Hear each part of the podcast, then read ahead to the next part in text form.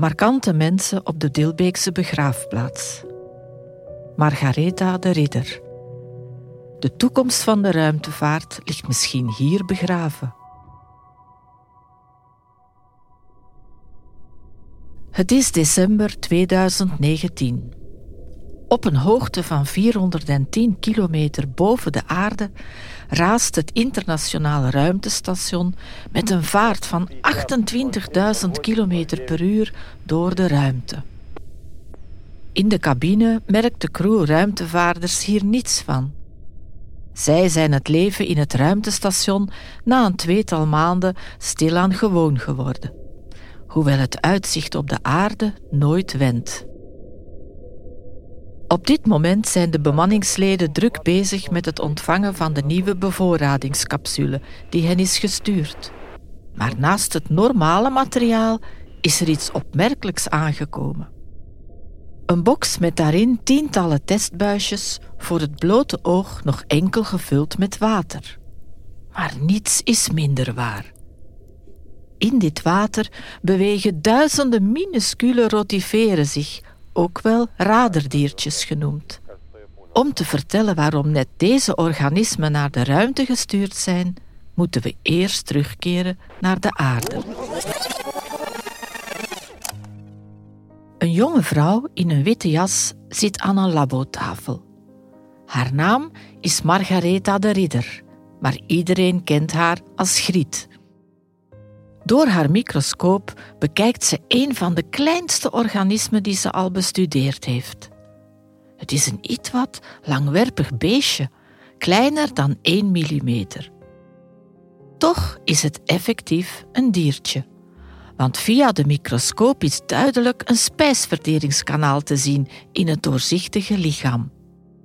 Maar het meest opvallend zijn de organen bovenaan het hoofd, naast de mond. Die bestaan uit kleine trilhaartjes die zo snel heen en weer bewegen dat het precies radertjes lijken te zijn. Griet kijkt weg van het raderdiertje om enkele notities te nemen. Ze is bezig aan haar verhandeling. Als ze deze indient, zal ze officieel afstuderen als licentiaat in de dierkundige wetenschappen aan de Rijksuniversiteit Gent. Ze beseft hoeveel geluk ze heeft gehad dat ze mocht verder studeren van haar ouders. Want dit was allesbehalve een evidentie in de familie, en zeker niet als vrouw. Griet werd namelijk geboren in 1919 in Niel rond Antwerpen. Daar bracht ze haar hele jeugd door tussen de gelegen, de steenbakkerijen in de Ruppelstreek. Als kind moest ze al meehelpen om de zware stenen die lagen te drogen in de zon te keren. Haar vader was veldwachter en haar moeder bleef thuis bij de kinderen. Verder studeren stond dus niet hoog op de agenda. Maar na de Tweede Wereldoorlog had de Belgische overheid een tot dan toe ongekend probleem. Er waren te weinig hoger opgeleiden. Jongeren werden dus gestimuleerd om verder te studeren, inclusief de meisjes. En zo startte Griet in de jaren 50 samen met enkele honderdtallen andere meisjes aan de universiteit. Omdat pendelen niet evident was en een kot te duur, verhuisde het hele gezin mee naar Gent. Het is daar dat Griet in 1956 afstudeert met haar thesis over de raderdiertjes. Maar waarom koos ze van alle dieren die ze kon onderzoeken voor de allerkleinste? Wel, om dezelfde reden dat de onderzoekers vandaag deze organismen de ruimte insturen. Ze kunnen namelijk overleven in de meest ongunstige omstandigheden. De diertjes leven normaal gezien in zoet water, maar ze kunnen zelfs leven met het kleine beetje water dat in mos aanwezig is. En in de ruimte kunnen ze de schadelijke kosmische straling overleven die bij mensen en andere dieren tot kanker zou leiden. Griet deed geen onderzoek in de ruimte natuurlijk, maar ze was toen al gefascineerd door de vraag hoe de dieren overleven in zoutachtig brak water. Het onderwerp van haar thesis. Griet is afgestudeerd en wil niets liever dan verder gaan met onderzoek. Maar hoewel vrouwen nu wel een universitair diploma behalen, blijkt een carrière in de wetenschap een uitzondering. Als alternatief begint Griet les te geven. En na een aantal jaren krijgt ze het aanbod om inspectrice biologie en scheikunde in het middelbaar onderwijs te worden. Maar ze aarzelt. Voor deze job moet ze naar scholen tot in alle uithoeken van Vlaanderen. En ondanks enkele moedige pogingen was het Griet nooit gelukt om met de auto te rijden. Haar zus woont in Dilbeek, vrij centraal gelegen, dicht bij Brussel en een treinstation in de buurt. De ideale uitvalsbasis voor haar. Ze vraagt of ze bij haar en haar gezin mag intrekken.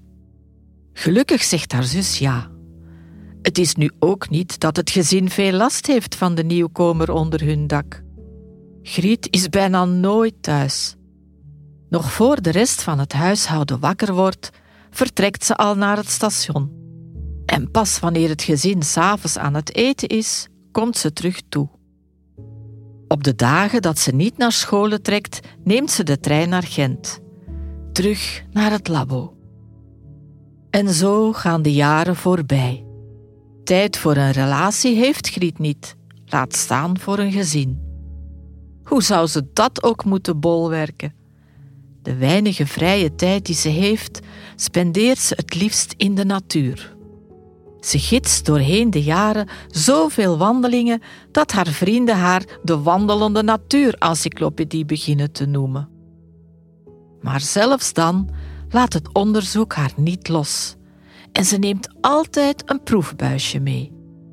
Dat ligt ze later dan onder de microscoop, want je weet maar nooit. Ondanks al haar toewijding duurt het nog tot na haar pensioen vooraleer Griet echt officieel wetenschapper wordt. Aan de VUB kan ze eindelijk doctoreren en onderzoekt ze verschillende soorten raderdiertjes van overal ter wereld.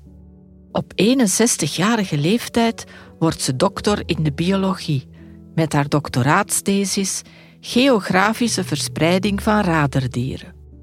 Maar zelfs dan stopt Griet niet. Ze blijft stalen verzamelen en analyseren en reist naar onconventionele bestemmingen in die tijd, zoals IJsland en Zuid-Afrika. Ze ontdekt zelfs verschillende nieuwe soorten en een aantal worden zelfs naar haar vernoemd. De publicaties stapelen zich op. Tot ze plots stopt. Want als er iets is dat Griet verafschuwt, is het fouten maken. Heel haar leven doet ze microscopisch verfijnd werk. Ze stopt dan ook liever met het werk waar ze altijd zo van hield, dan dat ze een fout zou maken door haar hogere leeftijd. Wanneer ze overlijdt in 2017, wordt haar lichaam volgens haar wens aan de wetenschap geschonken. Maar zelfs nog lang na haar dood draagt Margaretha de Ridder bij aan de volgende generatie onderzoekers, zelfs tot in de ruimte. Daar zal onderzocht worden hoeveel schade er is ontstaan aan het DNA van de raderdieren. Als we beter begrijpen hoe deze organismen de straling aanpakken, zouden we niet alleen ruimtevaarders beter kunnen beschermen, maar misschien ook kankerpatiënten wanneer ze met chemo behandeld worden. Zou Margaretha ooit kunnen vermoed hebben waar haar onderzoek naartoe kon leiden? Deze podcast werd gemaakt door een groep Dilbeekse vrijwilligers in samenwerking met WAJO. Met de steun van Cultura Dilbeek, Zender, Provincie Vlaams-Brabant, Familiekunde Dilbeek en Gemeente Dilbeek.